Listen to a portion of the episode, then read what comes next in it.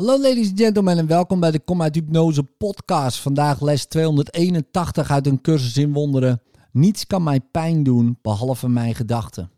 Vader, uw zoon is volmaakt. Wanneer ik denk dat ik op enige wijze ben gekwetst, komt dat doordat ik ben vergeten wie ik ben en dat ik ben zoals u mij hebt geschapen.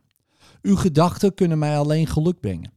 Als ik ooit bedroefd, gekwetst of ziek ben, ben ik vergeten wat u denkt. En heb ik mijn nietige, niets beduidende ideeën op de plaats gezet waar uw gedachten thuis horen en waar ze zijn.